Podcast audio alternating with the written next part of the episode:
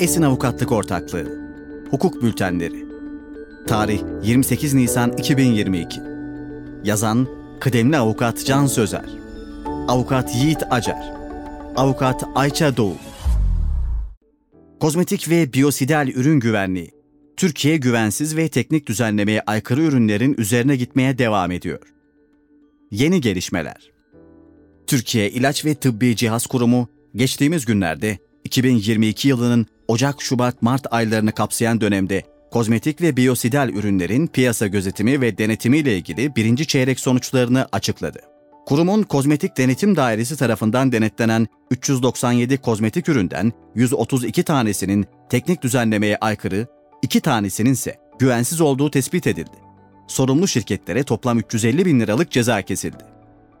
Kurumun kozmetik denetim dairesi tarafından denetlenen 27 tip 1 ve tip 19 biyosidal üründen 16 tanesinin ruhsatsız, 4 tanesinin ise teknik düzenlemeye aykırı olduğu tespit edildi.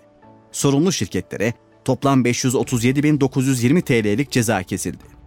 Sonuçlar ne anlama geliyor?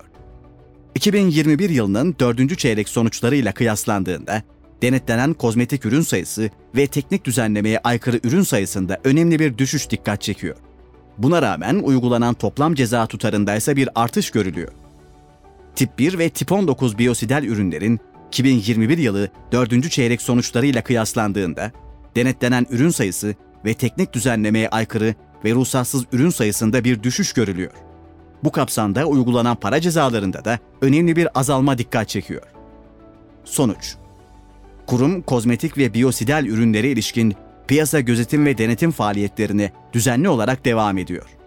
Piyasada bulunan tüm kozmetik ve biyosidal ürünler ilgili kanun ve yönetmeliklerle tamamen uyumlu olmalı, üretici şirketlerse güvensiz, ruhsatsız ya da teknik düzenlemeye aykırı ürünler satmadığından veya dağıtmadığından emin olmalıdır.